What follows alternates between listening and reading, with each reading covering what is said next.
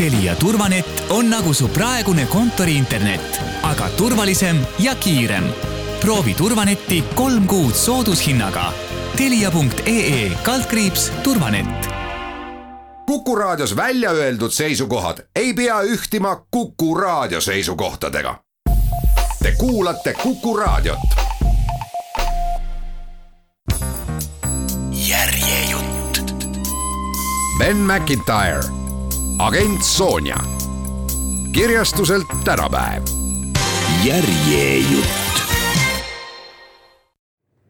kui oleksid tuhande üheksasaja neljakümne viiendal aastal külastanud idüllilist Great Rollrighti küla Inglismaal, siis oleks vahest jäänud sulle seal silma kõhn, tumedajuukseline ja ebatavaliselt elegantne naine, kes väljub kivist taluhoonest nimega The Firs ja istub jalgrattasadulasse.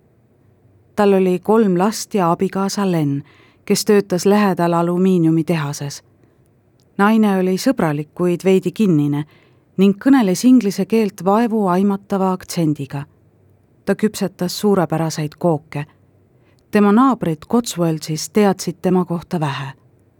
Nad ei teadnud, et see naine, keda nad kutsusid Mrs Burtoniks, on tegelikult Punaarmee polkovnik Ursula Kotšinski, pühendunud kommunist, autasustatud Nõukogude sõjaväeluure ohvitser ja hea väljaõppega spioon, kes oli luureoperatsioone läbi viinud Hiinas, Poolas ja Šveitsis, enne kui ta Moskva käsul Inglismaale saabus.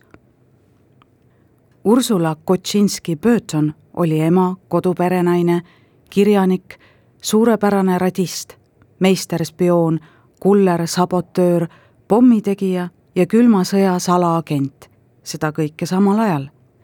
tema koodnimi oli Sonja. see on tema lugu. kui üks Berliini politseinik esimesel mail tuhat üheksasada kakskümmend neli kumminuiaga kuueteistaastast tüdrukut vastu selga lõi, sünnitas ta sellega tulevase revolutsionääri tuhanded berliinlased olid juba mitu tundi maiparaadi ajal tänavatel sammunud ja tähistanud iga-aastast töörahvapüha. Nende seas oli hulgaliselt kommuniste ja suur noorte delegatsioon.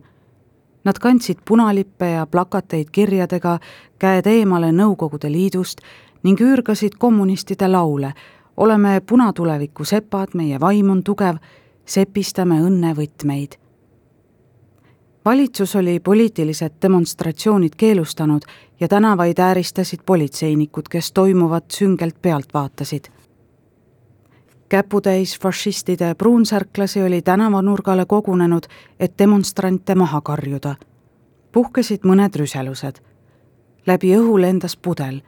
kommunistid laulsid üha valjemini noorkommunistide grupi esireas marssis kõhn tüdruk, kes kandis töölise soni kahe nädala pärast saab ta seitsmeteistkümneaastaseks. See oli Ursula Kotšinski esimene tänavademonstratsioon ning tema silmad särasid põnevusest, kui plakatit lehvitas ja üürgas saksa töölishümni Üles-üles võitluse nimel. Ursula hüüdnimi oli Tuulepööris ning ta lausa tantsis suurest rõõmust, kui ta teiste kõrval marssis ja laulis. paraad pöördus Mittelstrassele kui politsei neile kallale kargas. Ursula meenutab, kuidas pidurite krigin laulmise summutas ning siis kõlasid karjed, politseiviljad ja protestihüüded. noored tõugati pikali ja tiriti veokitesse. kogu selles segaduses tõugati ka Ursulat ja ta kukkus kõnniteele. kui ta üles vaatas, nägi ta enda kohal kogukat politseinikku. tema rohelise mundri kaenlaalused olid higist märjad mees irvitas, tõstis kumminuia ja virutas sellega täiest jõust Ursulale vastu selga. tema esimene reaktsioon oli põletav viha, millele järgnes kõige teravam valuaisting, mida ta oli kunagi kogenud. see tegi nii kõvasti haiget, et ma ei suutnud enam korralikult hingatagi. noor kommunistist sõber nimega Kaabo Levin tiris ta ühte ukseavasse peitu. Pole midagi tuulepööris ütles ta, hõõrudes seda kohta tüdruku seljal, mida kumminui oli tabanud. küll sa selle üle elad. Ursula grupp oli laiali jooksnud, mõned olid juba arreteeritud. kuid veel tuhanded marssijad lähenesid laia tänavat pidi. Kaabo tiris Ursula püsti ja ulatas talle ühe maha kukkunud plakati. jätkasin demonstratsiooniga, kirjutas ta hiljem, teadmata veel, et see otsus määrab mu edasise elusuuna Ursula ema oli ülivihane, kui tütar õhtul koju saabus, riided katki rebitud ja seljal suur verevalum. Berta Kotšinski tahtis teada, mida Ursula küll mõtles, et ta tänavaid pidi luusis koos purjus teismeliste kambaga ise täiel häälel lõuates. me polnud purjus ja me ei lõuanud, nähvas Ursula vastu. kes need noored üldse on? tahtis Berta teada. miks sa sedasorti seltskonnaga ringi õlgud see sedasorti seltskond on noorkommunistide kohalik haru, ma olen selle liige. Berta saatis Ursula isa töötuppa. mina austan iga inimese arvamusvabadust, teatas Robert Kotšinski oma tütrele. kuid seitsmeteistaastane tüdruk pole veel piisavalt küps poliitikale pühendumiseks. seega ma palun sult täiesti viisakalt, et sa tagastaksid oma liikmekaardi ja ootaksid selle otsuse langetamisega veel mõne aasta Ursulal oli vastus juba valmis. kui seitsmeteistaastased on piisavalt vanad, et käia tööl, kus neid ekspluateeritakse, siis on nad piisavalt vanad ka ekspluateerijate vastu võitlemiseks. ja just seetõttu olen ka mina hakanud kommunistiks. Robert Kotšinski suhtus kommunistidesse sümpaatiaga ja tegelikult isegi imetles tütre julgust, kuid oli selge, et Ursulaga saavad vanemad veel päevi näha Kotšinskid toetasid töölisklassi võitlust, kuid see ei tähendanud veel, et nad oleksid soovinud oma tütart selle ridades näha. Robert ütles Ursulale, et tema poliitiline radikalism on vaid mööduv tuju. viie aasta pärast sa naerad selle üle. kuid tütar andis vastu. viie aasta pärast tahan ma olla kaks korda tublim kommunist Saksamaa kaotus ja häbi kuulutas ühtlasi Kotšinskite muretu eksistentsi lõpu algust. poliitilise vägivalla allhoovused voogasid üle riigi. kodanikurahutuste tõttu loobus keiser troonist, kuid keiserlikust armeest järelejäänu koos parempoolsete vabakorpustega surus vasakpoolsete ülestõusu julmalt maha. Rosa Luksemburg ja Karl Liebknecht rajasid esimesel jaanuaril tuhat üheksasada üheksateist Saksa Kommunistliku Partei KPD, kuid nad arreteeriti ja hukati juba mõni nädal hiljem. nii algas Weimari Vabariigi aeg, mida iseloomustas kultuuri õilmitsemine, hedonism, massiline tööpuudus, majanduslik ebakindlus ja üha süvenevad poliitilised konfliktid parem- ja vasakpoolsete äärmuslaste vahel Robert Kotšinski nihkus poliitiliste vaadete poolest üha vasemale Nõukogude Liit on tulevik, kuulutas ta pärast tuhande üheksasaja kahekümne teist aastat. Kotšinskid olid rikkad, mõjukad ja heade suhetega ning sarnaselt kõigi teiste Berliini juudi peredega ei osanud nemadki karta, et paarikümne aasta pärast pole nende senisest maailmast enam midagi järel, sest sõda, revolutsioon ja süstemaatiline genotsiid on selle minema pühkinud Berliinis elas tuhande üheksasaja kahekümne neljandal aastal sada kuuskümmend tuhat juuti, mis oli kolmandik kogu Saksamaa juudi rahvast. Robert Rene Kotšinski oli Saksamaa lugupeetuim demograafia statistik, üks neist teerajajatest, kes hakkas arvandmeid kasutama ühiskondliku poliitika kujundamise eesmärgil tema meetod rahvastikustatistika näitajate väljaarvutamiseks, Kotšinski määr, on tänapäevalgi kasutusel. Roberti isa oli edukas pankur ja Berliini väärtpaberibörsi president, kes pärandas pojale kire arvude vastu ja ühtlasi piisavalt raha, et seda kirge rahuldada. Robert oli leebe loomuga ja pedantne õpetlane, intellektuaalide kuue põlvkonna uhke järeltulija, kellele kuulus suurim eraraamatukogu Saksamaal Robert abiellus tuhande üheksasaja kolmandal aastal Berta Gradenvitsiga, kes pärines samuti saksa juudi äriintellektuaalide seast ja oli kinnisvaraarendaja tütar. kunstniku kalduvustega Berta oli arukas ja samas üsna laisk. Ursula varasemad mälestused oma emast koosnesid värvidest ja mustritest. kõik särab kuldpruunilt, samet, tema juuksed ja silmad. Berta polnud andekas maalija, kuid keegi polnud seda talle öelnud, seega plätserdas ta õnnelikult edasi, olles küll abikaasale pühendunud, kuid jättes väsitava igapäevase lapsehoiu teenijate hooleks kosmopoliitsed ja ilmalikud Kotšinskid pidasid end eelkõige sakslasteks ja alles seejärel juutideks.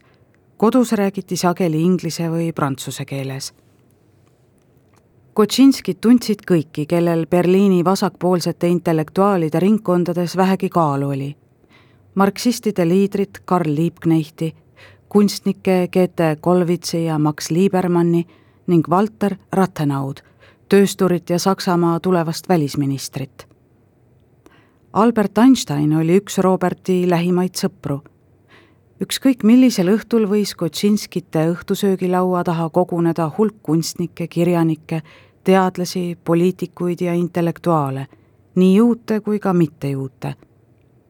See on vaieldav, kuhu Robert täpselt asetus Saksamaa ülikeerukas poliitilises kaleidoskoobis, sest tema vaated kõikusid vasaktsentrismist kuni äärmusvasakpoolsuseni kuid enda arvates seisis Robert nagunii partei kuuluvusest kõrgemal. nagu Rathenau kord mürgiselt salvas. Kotšinski moodustab alati ühe mehe partei ja asetub siis selle vasemale tiivale. Ta töötas kuusteist aastat direktorina Statistikaametis, mis asus Berliin-Schönebergi linnaosas. see polnud kuigi raske töökoorem ja jättis talle piisavalt aega akadeemilisteks uurimusteks vasakpoolsetele ajalehtedele artiklite kirjutamiseks ja ühiskondlikult progressiivsetes kampaaniates osalemiseks, seda eelkõige selleks, et parandada elutingimusi Berliini agulites, kuigi pole kindel, kas ta ise neid külastama vaevus. Ursula Maria oli Roberti ja Berta kuue lapse seas vanuselt teine. temast kolm aastat vanem Jürgen oli sündinud tuhande üheksasaja neljandal aastal ja oli ühtlasi pesakonna ainus poisslaps. Ursulal oli neli nooremat õde. Brigitte, Barbara, Sabine ja Renate. Brigitte oli Ursula lemmikõde, lähim nii vanuse kui ka poliitiliste vaadete poolest. Aga kunagi polnud kahtlust selles, et ainus poeg on kõige tähtsam laps peres. Jürgen oli varaandekas, arukas oma arust eksimatu ja ärahellitatud ning pidas end õdedest üleolevaks. ta oli ühtaegu Ursula usaldusalune ja salarivaal. Ursula, kes on teda kirjeldanud parima ja arukaima inimesena, keda ma tean, imetles ja põlgas Jürgenit võrdsel määral. Ursula oli seitsmene, kui puhkes esimene ilmasõda. täna kaovad meie vahelt kõik erinevused, täna oleme kõik sakslased, kes isamaad kaitsevad kuulutas tema kooli direktor. Robert liitus Preisi kaardiväega, kuigi kolmekümne seitsme aastaselt oli ta tegevteenistuseks liiga vana. seega oli ta sõja-aastatel ametis sellega, et arvutas välja sakslaste toitainevajadusi. Alice'i abikaasa Georg Torpalen võitles vapralt läänerindel nagu paljud teisedki juudid ning naasis patriootliku sõjahaava ja raudristiga Kotšinskite jõukus kaitses neid enamiku sõjaaja hädade eest, kuigi toitu oli vähe ja Ursula saadeti viimaks Läänemere äärde alatoidetud laste laagrisse. talle pakiti kaasa šokolaaditrühvleid, mis olid tehtud kartulist, kakaost ja sahhariinist ning terve kuhi raamatuid. kui pliinide ja kuivatatud ploomide dieedil olnud raamatusõber Ursula mitu kilo raskemana koju naasis, oli sõda läbi korista küünarnukid laualt, noomis ema, ära lurista. Ursula jooksis söögitoast minema ja lõi ukse pauguga kinni.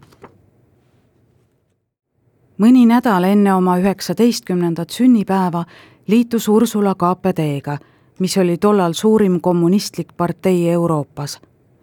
oma uue juhi Ernst Helmani all muutus partei vaadetelt üha leninlikumaks ja hiljem stalinistlikumaks, olles küll demokraatiale pühendunud, kuid saades käske ja raha otse Moskvast. KPD-l leidus ka paramilitaarne tiib, mis oli haaratud üha süvenevast konfliktist natside pruunsärklastega. kommunistid valmistusid lahinguks. Ühel kuuvalgel ööl Kruunevaldi metsa kõrvalises nurgakeses õpetasid Ursula noorkommunistidest sõbrad Kaabo Levin ja Heinz Saltmann teda tulistama. alguses ei saanud ta üldse märgile pihta, kuni Kaabo mainis, et ta suleb vale silma. selgus siiski, et ta on suurepärane laskja. Kaabo andis talle Lugeri poolautomaatse püstoli ning näitas, kuidas seda lahti võtta ja puhastada Ursula peitis relva Schlachtensis pööningule tala taha ühe katkise padja sisse. kui revolutsioon peaks saabuma, on tema igatahes valmis. Ursula käis fašismivastastel demonstratsioonidel. väga kiire aeg, kirjutas ta, valmistume Vene revolutsiooni aastapäevaks. lõunapauside ajal istus ta Unter den Lindenil puudest ääristatud pulvaril, mis lõikas läbi Berliini kesklinna ja luges kommunistide ajalehte Punalipp. sageli otsis ta jutukaaslaseks töölisklassist taksojuhte ja puuviljamüüjaid, kellest paljud olid kommunistid ning arutas nendega poliitikat. ta kirjutas päevikusse. nii paljud nälgivad, tänavatel on nii palju kerjuseid ühel pärastlõunal liitus Ursula grupi noorte vasakpoolsetega, kelle seas oli nii KPD kui ka Sotsiaaldemokraatliku partei liikmeid, et Berliini lähedal asuva järve äärde ujuma ja päevitama minna. Ursula meenutab hiljem seda hetke. pööran ümber ja seal seisab mees, kes on kahekümnendate eluaastate keskel, veidi lontis olekuga, aga targa ja üsna ilusa näoga. ta vaatab mulle otsa, suured tumepruunid silmad ta on juut. noormees küsis, kas võib tema kõrvale istuda, et juttu ajada. mul pole aega, vastas Ursula, pean minema marksistidest tööliste tundi. aga mees käis peale, et vahest võiks millalgi uuesti kohtuda. ma mõtlen selle üle, ütles Ursula ja kihutas minema mõni päev hiljem ootas pruunisilmne mees teda selle hoone ees, kus marksismi tunnid toimusid Rudolf Hamburger oli arhitektuuritudeng Berliini Tehnikaülikoolis. Ursulast neli aastat vanem Rudi osutus tema kaugeks sugulaseks. tema ema ja Berta Kotšinski olid teise põlve nõod ja ka nende taust oli sarnane. Hamburger oli sündinud Landeshutis alam Silesias, kus tema isale Maxile kuulusid vabrikud, kus valmistati sõjaväemundreid. Rudi oli kolme poja seast vanuselt teine ja kasvas üles poliitiliselt liberaalses õhustikus kultuursete juudi intellektuaalide keskel. Max Hamburger oli oma kaheksasaja viiekümnele töölisele ehitanud eeskujulikud elamukvartalid. perekond oli poliitiliselt progressiivne, kuid neid ei saanud kindlasti revolutsionäärideks pidada. Rudi toetas kirglikult modernistlikku arhitektuuri ja Bauhausi liikumist ta kirjutas, et tema kaastudengite sekka kuulusid Austria aristokraat, pastelsetes ja kokkusobivates toonides interjööre kujundav jaapanlane, üks anarhist ja ungarlanna, kes pidas end täiesti õigustamatult geeniuseks. samas koolis õppis tollal ka Albert Speer, hilisem Hitleri ihuarhitekt, kes sai natside relvastus- ja sõjatoodangu ministriks Ursula pidas meest ligitõmbavaks ja kutsus ta impulsi ajal kommunistide miitingule. Nende vahel tekkis hea klapp. ta kutsus Ruudi ka järgmisele miitingule. viimaks on mul taas aega Ruudiga olla, kirjutas ta päevikusse. ta aitab mul teed teha. ta ei saa aru, et ma hoian gaasileeki madalal, et vesi aeglasemalt keema läheks. mu talvemantel on liiga õhuke, leiab Ruudi. ta tahab mind vist edevamaks muuta Ursula ostiski uue mantli ja sõitles siis ennast, et kulutab selliste asjade peale raha, samas kui teised nälgivad. igatsen Ruudit, kirjutas ta. aga siis olen vihane, et selline inimene mul pea segi ajab, et ma teda nii väga vajan ja jään siis nuuksudes magama. kui nad ühel õhtul kontserdilt koju jalutasid, seisatus Ruudi tänava lambi all. ta seisis valguslaigus tema paksud juuksed on endiselt sagris, mis mõjub kuidagi üllatavalt ja tema tumedad silmad on ikka melanhoolsed ja eemalolevad, isegi siis, kui ta naeratab või on sügavalt mõttes. sel hetkel ta armus ära. kas üks sekund, mõni lause või viis, kuidas inimese pilk midagi väljendab, võib kõik senised tunded uueks muuta, imestas ta. Ruudi saatis ta koju. sel ööl ta suudles mind, kirjutas ta. ma olin kurb, sest mu huuled olid nii kuivad, väike asi ju, aga ma olin seda suudlust kogu pärastlõuna oodanud, vaikselt rõõmustades Ruudi hamburger oli peaaegu ideaalne kavaler, heasüdamlik, naljakas, õrn ja juut. mõlema noore vanemad kiitsid selle suhte heaks. kui Ursula muutus liiga tõsiseks, siis Ruudi narris teda leebelt ja kui Ruudi kõneles oma soovist saada edukaks arhitektiks, siis tema suured pruunid silmad särasid. ta oli ka helde. Ruudi kinkis mulle šokolaaditahvli, rääkis Ursula vennale maiustused olid tollal harulduseks ning ta üritas rõhutada, et see polnud mingi kodanlik pillamine. ta ei kulutanud selle peale raha, sellist lollust me ei tee, aga kui keegi talle midagi kingib, siis ta alati jagab minuga. Ruudi vihjas abielule. Ursula oli kahtlev, sest Ruudi hamburgeriga seondus üks probleem. ta polnud kommunist. Nad võisid ju jagada juudi päritolu, kultuurihuvi ja šokolaadi kuid Ursula armastatu polnud seltsimees ja polnud ka mingit märki sellest, et ta tahaks selleks saada. ühel tuhande üheksasaja kolmekümnenda aasta soojal juuliõhtul astusid Ursula ja Ruudi Moskva rongile, olles ostnud ühe otsa piletid. Neil oli piisavalt raha, et Shanghai'sse jõuda, kuid tagasireisiks poleks sellest jätkunud. Nende maine omand koosnes kahest riideid täis kohvrist, vorstidest, leivast seebitükkidest, väikesest piirituse pliidist ja malelauast. Moskvas läksid nad Trans-Siberi ekspressile ja jätkasid aeglast venimist itta. Ursula lesis koikul ja jälgis aknast Venemaa avarusi mööda vilksamas. lõputu lainetav kasemetsade ookean, mis ulatus silmapiirini rong peatus ka jaamade vahepeal ja reisijad rõõmustasid võimaluse üle jalgu sirutada. kõlasid akordioni helid ja inimesed hakkasid tantsima. peagi haarati ka meil kätest ja tõmmati tantsuringi. kuskil avara Siberi niidul keerlesid Ursula ja Ruudi Vene akordioni saatel. Mandžuurias läksid nad Hiina idaraudtee rongile, et jõuda Tšangtšunni ning istusid siis ümber Lõuna-Mandžuuria liinile, et sõita lõunal poole Daliani, kus nad astusid aurulaeva pardale, et ette võtta reisi viimane ligi tuhandekilomeetrine etapp üle Kollase mere Shanghaisse.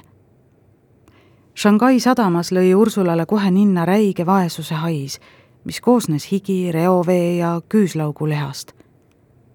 Weimari Vabariigi majanduskriisi ajal oli ta näinud palju vaesust, kuid mitte sellises mõõtkavas.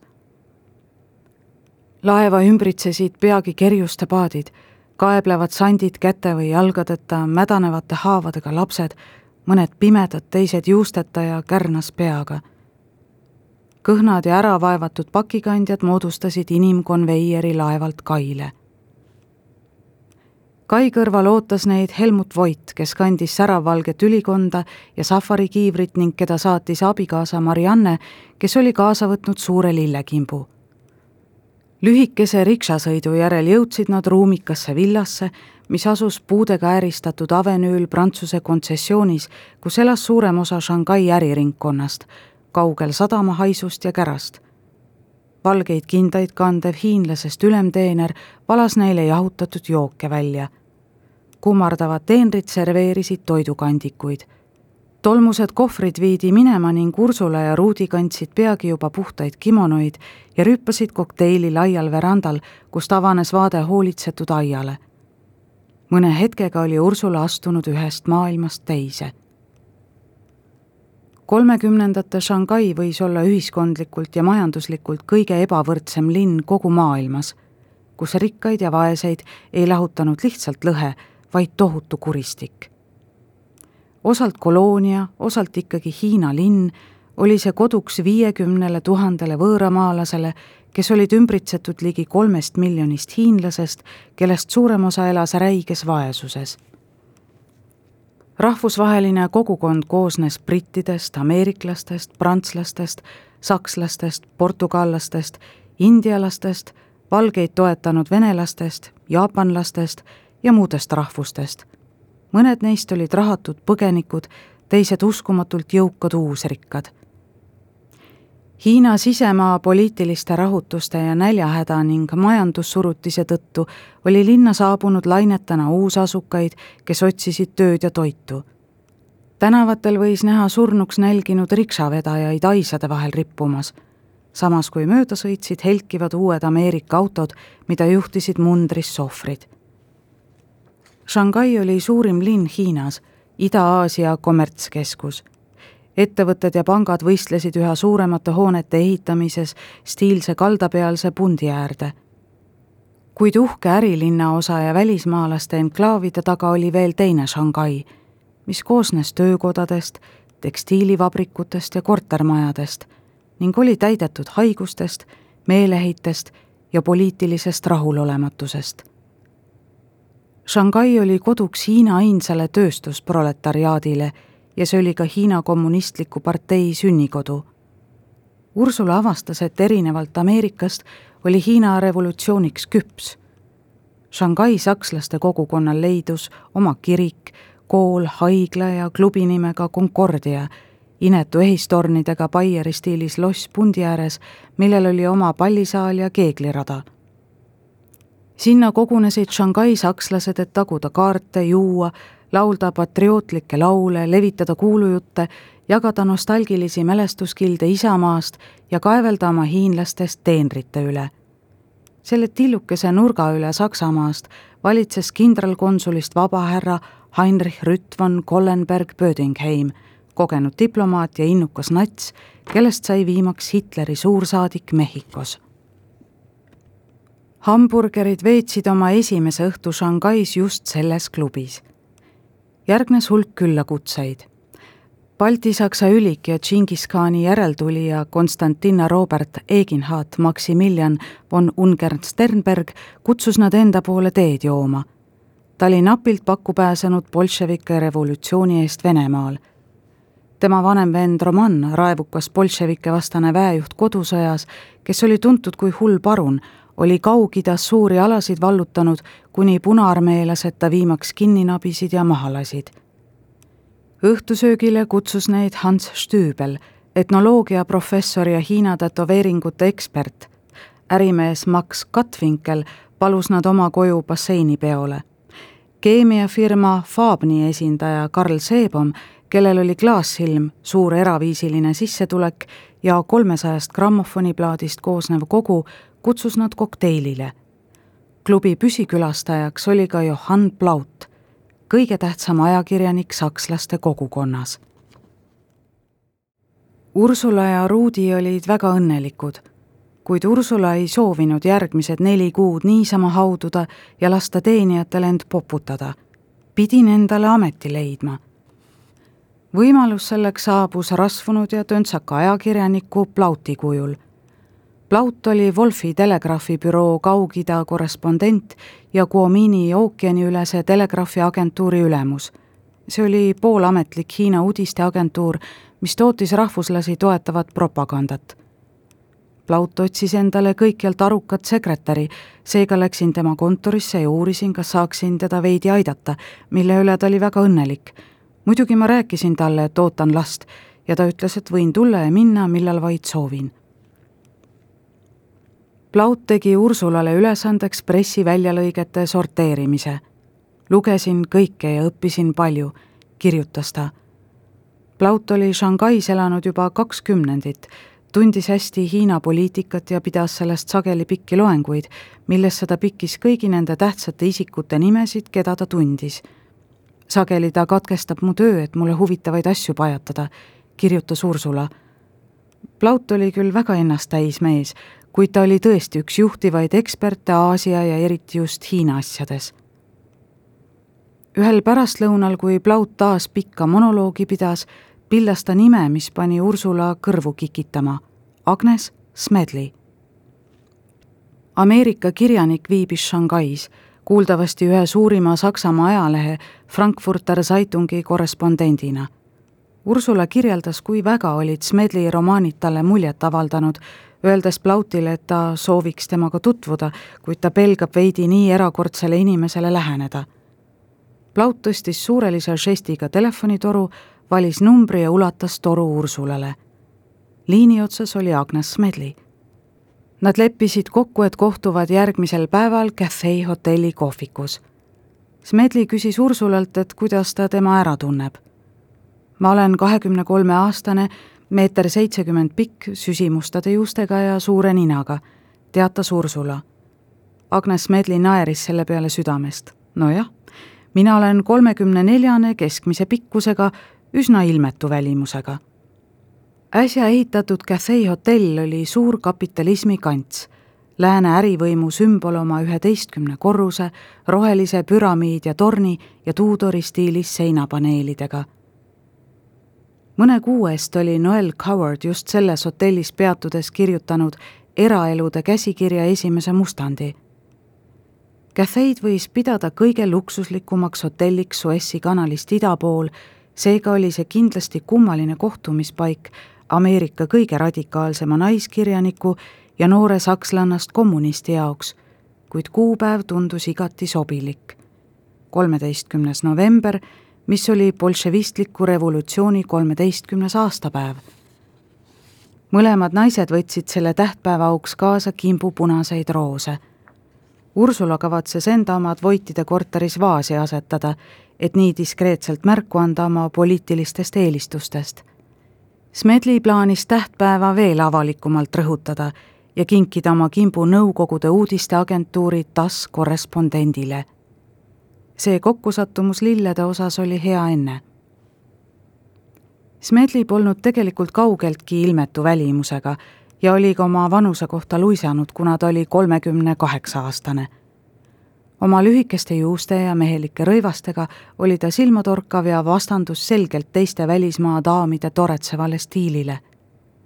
Agnes näeb välja nagu intelligentne töölisklassi naine, kirjutas põnevil Ursula vanematele ta käib lihtsalt riides, ta hõredad juuksed on pruunid, suured hallikasrohelised silmad mõjuvad väga elavalt. nägu pole kindlasti ilus, küll aga korrapärane. kui ta oma juuksed otsaesiselt tagasi lükkab, tulevad tema paksud kaarduvad kulmud hästi esile.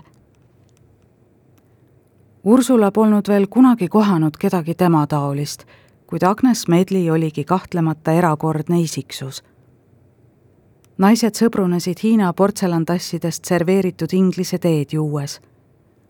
Ursula lootused ja kõhklused paiskusid kaootilise vooluna temast välja. ta kõneles oma üksildus- ja igavustundest, teiste sealsete eurooplaste võõristamisest.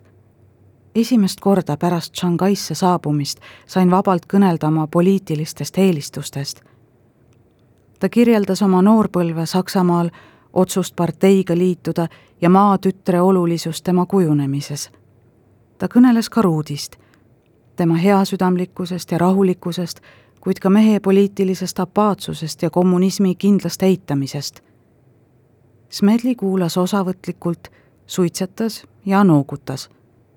kui Ursula oli lõpetanud, rääkis Agnes talle oma elust, mis oli tegelikkuses veel erakordsem kui aasta varem avaldatud ilukirjanduslik versioon